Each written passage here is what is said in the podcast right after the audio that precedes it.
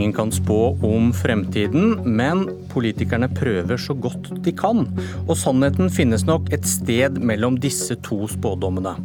Norge vil fortsatt tjene store penger på å utvinne olje og gass. Og Norge kan tape store penger på å fortsette å utvinne olje og gass.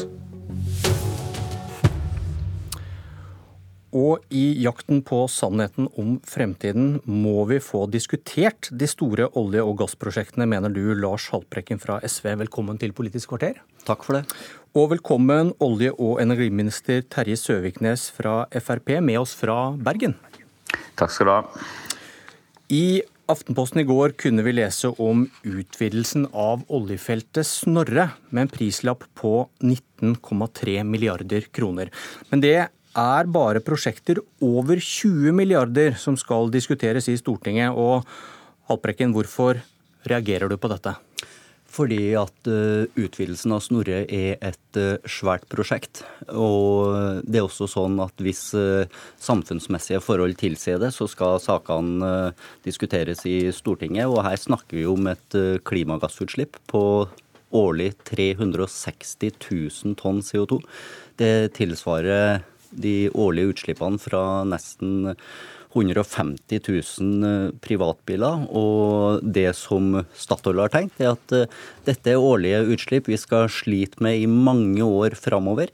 I en tid hvor våre utslipp skal nærme seg null, fordi at vi skal bekjempe den stadig voksende klimakrisen som vi også har merka ganske sterkt her i Norge de siste årene. I Aftenposten reagerer du på at prislappen var 22 milliarder i konsekvensutredningen, men likevel ender under denne grensen på 20. da.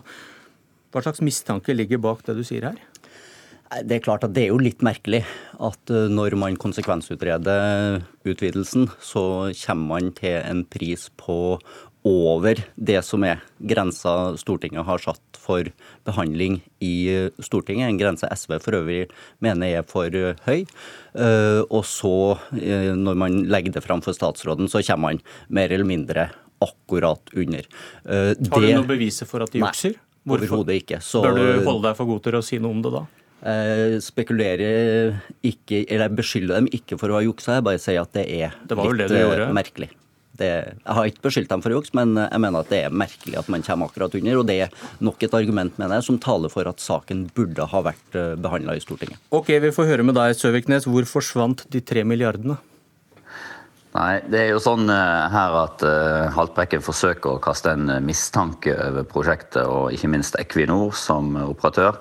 Det er det ingen grunn til. Vi har sett de siste årene at vi har fått en klar kostnadsreduksjon både i drift på norsk sokkel, men spesielt i utbygging av eh, nye prosjekt. Og Snorre Expansion, eh, som vi her snakker om, eh, føyer seg inn i, i rekken av det. Og det burde jo glede Haltbrekken at man da får et prosjekt som er lavere i kostnad, og dermed enda mer lønnsomt. Dette er Norges største økt utvinningsprosjekt som er et fantastisk prosjekt eh, knytta til et eksisterende felt. Og vil da bringe nye inntekter til fellesskapet, og ikke minst eh, arbeidsplasser i utbyggings- og driftsfasen. Men spørsmålet var hvor forsvant de tre milliardene? Det er jo fordi man har modna fram prosjektet gjennom uh, utvikling av det, fram til man leverer såkalt plan for utbygging og drift uh, til myndighetene. Og det har vi sett med en rekke prosjekt. Uh, la meg ta et annet eksempel som hadde en enda større nedgang. Kan du være konkret på Snorre, hvor, hvor de finner 3 milliarder i, i prosessen fra konsekvensutredning til at det da ender under denne grensa? Nei, Det kan ikke jeg være konkret på. Det er operatøren og lisensfellesskapet som eh, leverer en plan for utbygging og drift til oss, og det er den vi forholder oss til. Det er de siste oppdaterte kostnadsanslag knytta til denne konkrete utbyggingen. Og Da kommer man på 19,3 milliarder, som er under den grensa på 20 milliarder som Stortinget har satt for når de skal ha saker til behandling. Og Det forholder selvfølgelig regjeringa seg til. og Derfor så blir denne saka avgjort av eh, regjeringa.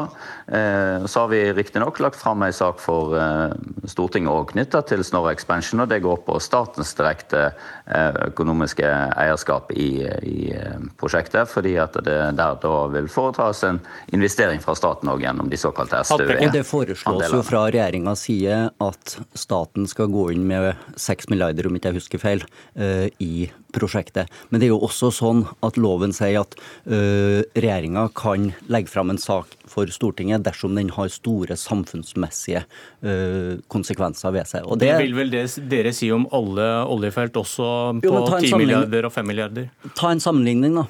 Eh, I forrige uke så avga Stortinget innstillinga til Johan Castberg-utbygginga i Barentshavet. Der får vi et årlig utslipp av klimagassen CO2 på 310 000 tonn.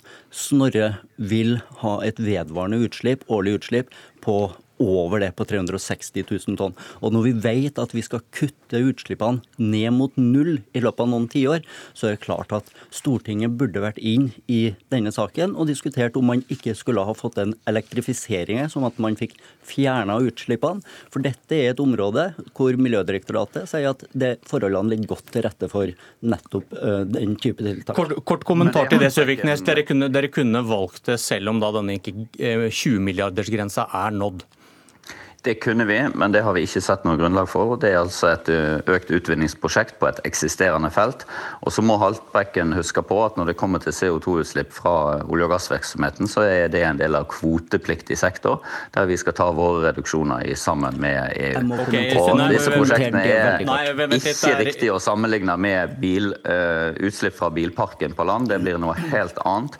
Der er vi i ikke-kvotepliktig sektor, så man må holde tunga beint i munnen her. Jeg vet Haltbrekken, at du har lyst til å si noe om at kvotesystemet ikke fungerer, og at det ikke fører til kutt andre Jeg har lyst til å si noe skal... at vi låser oss til svære utslipp i mange år fremover, og det er dumt. Og dette er et område som Miljødirektoratet, regjeringas egne miljøfaglige eksperter, sier at burde vært ja, elektrifisert. Vi skal ikke slippe olje fremdeles, for Norge har jo tjent store penger på olje og gass, men nå hører vi da stadig flere diskusjoner om det vil fortsette. Vi har hørt om Goliat, og I det siste har vi hørt mye om gassfeltet Åsta Hansten, som Dagbladet har skrevet om også i dag. Og Haltbrekken, du, du trykker et regnestykke fra Verdens naturfond til ditt bryst som viser at oljeselskapet Equinor kan tjene penger på Åsta Hansten, samtidig som det norske folk, AS Norge, taper penger. Og hvordan kommer man til det svaret? Dette kommer man til ved at uh, framtidsutsiktene for uh, gass og gasspriser ikke er uh, like gyllen som de var for uh, noen år siden. Uh, og man kommer også uh, til det ved de kostnadene som utbygginga har hatt som Og prosjektet er blitt mindre lønnsomt enn det man tenkte. Og derfor har da Og så betaler staten mye? Ja, også Staten tar en stor økonomisk risiko i oljeutbyggingene i Norge. Og Det som Verdens naturfond da har regna ut, er at selskapet Equinor, tidligere Statoil, kan sitte med en gevinst på 880 millioner kroner, mens det norske fellesskapet, den norske stat, eh, taper over 8 eh, milliarder eh, kroner. Og dette er noe ganske nytt i norsk oljepolitikk, at vi ser at det er stadig flere felt som kan bli ulønnsomme for fellesskapet. Et annet felt da, som du var innom i stad, oljefeltet Johan Castberg, der vi trolig vil tjene store penger. Er SV for et slikt lønnsomt felt, da? Nei, pga. at det har svære klimagassutslipp uh, ved seg. Uh, og låse oss uh, til store klimagassutslipp i en tid hvor vi skal redusere utslippene ned mot null. Og hovedgrunnen vår til å være mot nye oljefelt, enten det er i Barentshavet eller andre plasser på norsk sokkel, er av hensyn til klima. Men så ser men, vi at men, men, da, da, da, økonomi også etter hvert blir et argument som vi håper kan være med på å overbevise uh, noen flere i debatten. Ja, for I argumentasjon mot utvinning av mer olje og gass så bruker SV da faren for å tape penger mot felt som kan bli ulønnsomme, og som vi hører nå, faren for klima mot felt som kan bli lønnsomme. Dere bytter argumentasjon. Nei, vi bruker klimaargumentasjon i begge eh, Men dere saker. undergraver det argumentet dere egentlig tror på. For hvis eh, dere vil kanskje tape kampen om velgerne da, hvis de oppdager at vi fremdeles tjener penger på olje og gass, når dere er overbevist om at det, her kan vi tape store penger? Nei, men Det som vi ser nå, er jo at det er noen oljefelt som begynner å bli ulønnsomme, som man trodde var lønnsomme, og det er også noen gassfelt som man risikerer at blir ulønnsom. Og det er jo ikke så unaturlig i en tid hvor verden skal nå sine klimamål, nå Parisavtalen, så må etterspørselen etter olje, kull og gass gå ned. Og da vil verdien av det som er på norsk sokkel, også falle. Men, men, når, men, når, lønnsomhetsargumentet ikke virker når man tjener penger på Johan Castberg, da bruker dere klimaargumentet? Nei, klimaargumentet er det viktigste argumentet for oss. Hvorfor holder ikke det, da?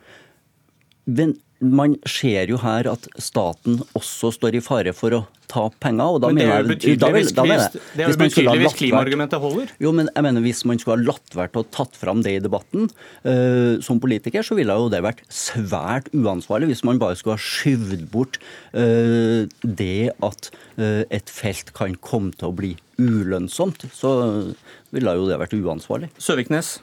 Ja, Haltbrekken eh, er jo notorisk imot eh, alle olje- og gassprosjekt på norsk sokkel. Det har SV vært eh, lenge, og de bruker klimaargumentasjon.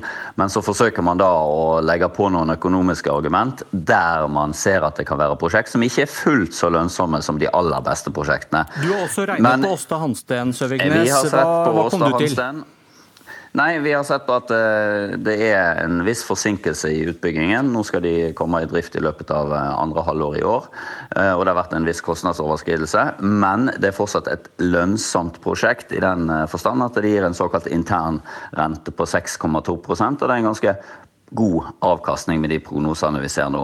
Ikke sammenlignet med andre olje- og gassprosjekter, vel? Nei, det visste Stortinget òg den gangen man sa ja til Åsta Hansten. Det var på lik linje med Goliat, som man òg sa ja til i Stortinget.